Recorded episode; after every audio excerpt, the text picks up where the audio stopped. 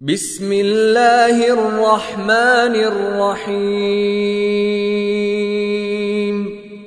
القارعة ما القارعة؟ وما أدراك ما القارعة؟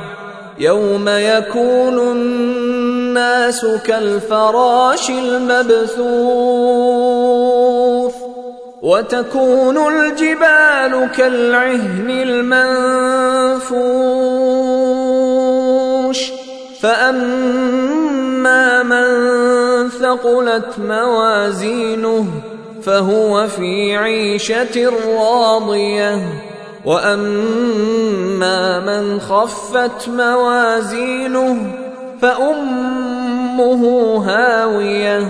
وما أدراك ما هي نار حامية.